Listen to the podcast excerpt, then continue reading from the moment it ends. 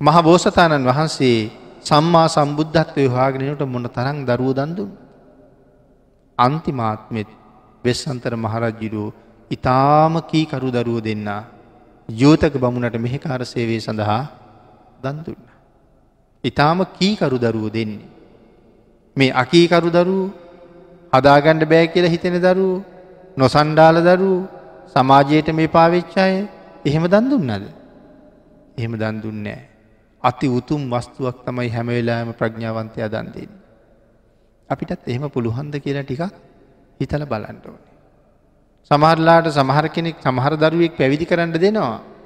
හැබැයි දෙන්න ගෙදර කියන දේ අහන්නෙම නැති කෙන. හදාගණ්ඩ බැරිවෙයිම කියන කෙනා. දඟකාරම කෙනා. මහන කරලවත් බලමු කියලා දෙන්න ගෙදරින් අයින් කරන්න ඕන නිසා. ගෙදරත් හදාගණ්ඩ බැරිවෙයි කියලා හිතන නිසා. ඒ අපේ හැටි. එනට අපේයට මතකද අනුරුද්ධ මහරහතන් වහන්සේට එක පුතෙක් දන් දුන්නා සුමන සාමනේරයන් වහන්ස. එකම තාත්තට හිටිය දරුව දෙන්නයි. ඒ චූල සුමනයි මහා සුමනයි.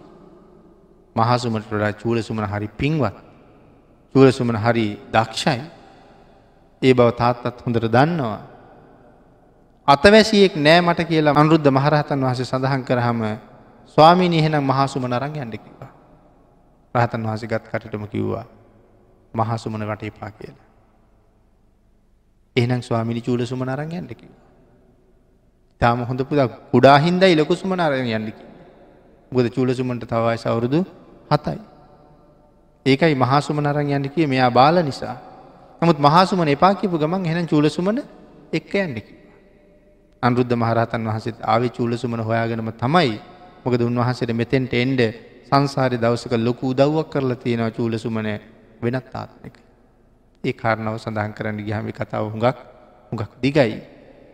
ඉතින් එහෙම නං හොඳම කෙනා දුන්න.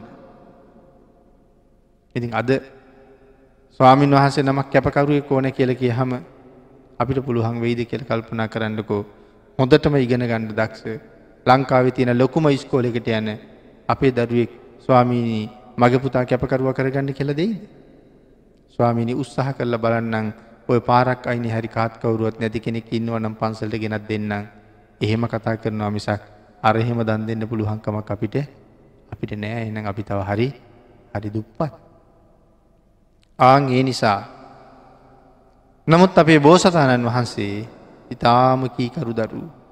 තාත්තා එක පාරක් අඩගහනකොට නෑවිත් ඉන්නේ නෑ.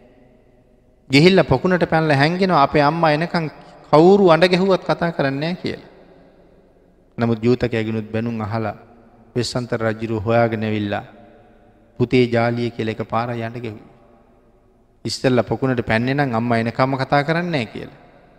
නමුත් තාත්තගේ කටහඬ ඇහෙනකොට ජාලිය කුමාරය කල්පන කිරී මගේ තාත්තා අඩගහනවා. තාත්තා අඩගහනකොට ඇහි එහි කතානොකර ඉන්නවා කියලා කියන්නේ ඒක මට තරම් නෙමේ කියලා කල්පනා කළා.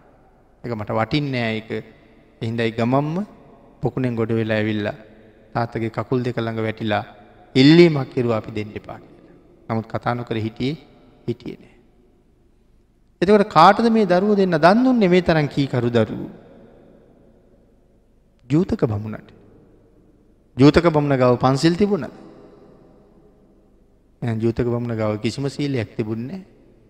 නමුත් මහ බෝසතාණන් වහන්සේ පෞසිද්ධ වෙනවනං ජූතක බමුණවාගේ කෙනෙකුට දරුව දන් දෙනවා. ඒ දරුව දෙන්න ජූතක බමුණට දෙනකොට මේ මහපොලෝ වෙවුලන්න පටන්ග. වෙස්සන්තර මහරජ්ජිරු මහපොලෝ වෙවුලෝ වෙවුලෝ දෙන දානවලින් එකක් දරුව දෙන්න දන් දෙන එක. දුස්සීලයකුට දෙනකොට මහපෘතුවයට දරන්න බැරුව ගියා. එනම් දුස්සීල දානෝලින් අවසිද්ධ වෙනවා කියන කතාවක් භාගිතුන් වහස දේශනා කරලා නෑ කොහෙවත්. අන් ඒ හින්ද ප්‍රතිග්‍රාහකය කවුරුවනත් අපේ සිල් මත පිහිටලා අපිට හොඳ දානයක් දෙන්න පුළුවන්කම තියෙන. ලෝභ සහගත පුද්ගලයෝ දිනන්ඩ වටින්නේ දානයමයි කියන කාරණමයි අපි මේ ටිකක් දිගට සාකච්ඡා කරන්නට යෙදන. ඉතාම ධාර්මික වස්තුවක් වෙන්ඩ ඕනේ.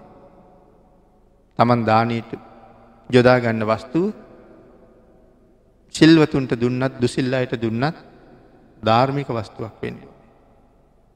ඒවගේම දන් දෙනකොට ඉතාම පැහැදිලි සතුටු දායක සිතකින් ශ්‍රද්ධාවෙන් පිරිච්ච හිතකින් දන් දෙෙනව. උග සිරිතුමා සම්බන්ධව ආශ්චරය කරුණු අටක් තියෙන.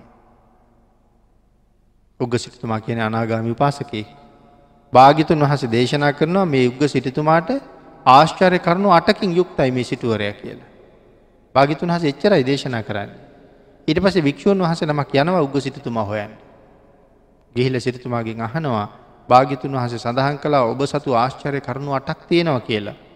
තියෙනවා දෙහෙම කරුණු ටිකක් සඳහන් කලා භාගිතුන් හස කුමක් සඳහන් කලාද දන්නේ.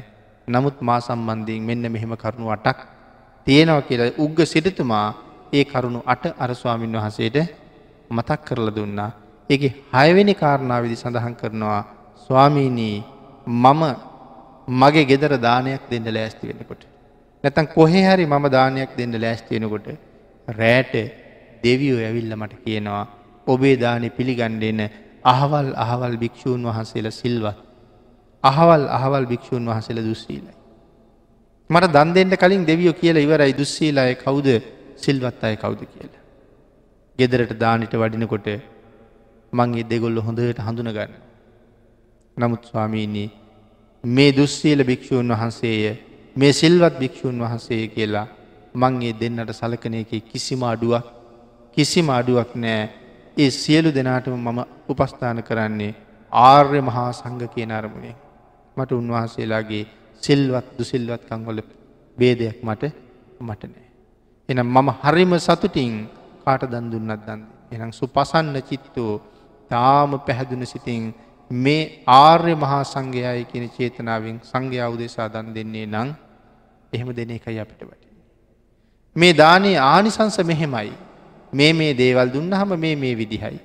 ආගේ ආනිසංස දැනගෙන දන් දෙනවා කියල කියන්නේ කර්මය කර්ම පලය අදහාගෙන දන් දෙනවා තංවේ දානං විපුල පලන්ති බ්‍රූමී ආං එහෙම දානයක් වෙත්නම් එක විපුල පලගෙනල්ල දෙන ශ්‍රේෂ්ඨ උත්තරීතර දානයක් වෙනවා කියන කාරණාව දක්කින විභංග සූත්‍ර මේ ගාථාවෙන් පැහැදිලි කරන.